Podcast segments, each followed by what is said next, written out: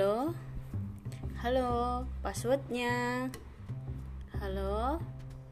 Passwordnya Jendela pagi Oke okay.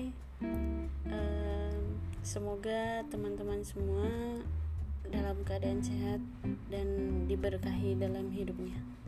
Amin. Oke, mari kita dengarkan langsung aja. Kita dengarkan podcast isi hati dari si pejuang mood. Siapa sih pejuang mood?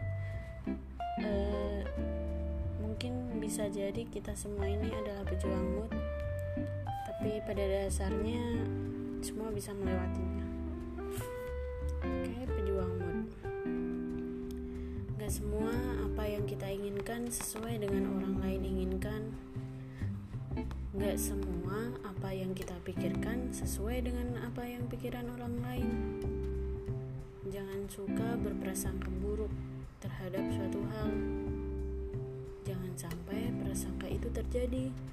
Lalu bagaimana kalau sudah berprasangka? Ya, itu wajar sih karena kita masih manusia biasa. Tapi jangan dibiarin lama-lama, karena akan merusak diri sendiri. Gak apa-apa, sebentar aja, lalu sudahi pelan-pelan.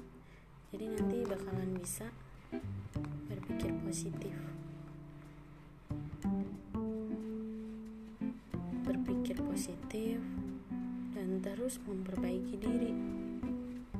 Mencoba melawan ego, melawan rasa sakit hati karena orang lain yang tidak sehati. Dunia ini tidak hanya kamu dan dia, masih ada mereka dan jutaan orang di dunia ini. Jangan lupa piknik biar nggak panik, kata orang mah. Tapi kalau memang belum ada kesempatan untuk piknik, ya tidak apa datanglah ke tempat di mana orang akan piknik. Tapi nanti kalau udah nggak ada corona, ke stasiun misalnya, stasiun kereta, dermaga, bandara. Kalau terminal bus, tar dulu deh, rame.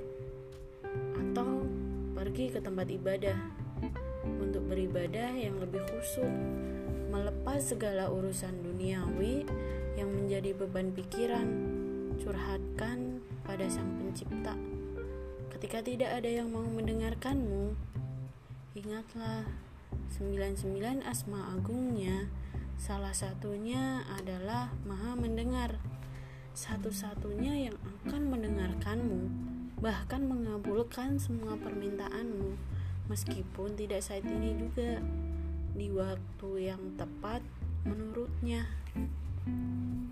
Nah, itu dia curhatan hati dari si pejuang mood. Terima kasih telah mendengar. Sehat selalu.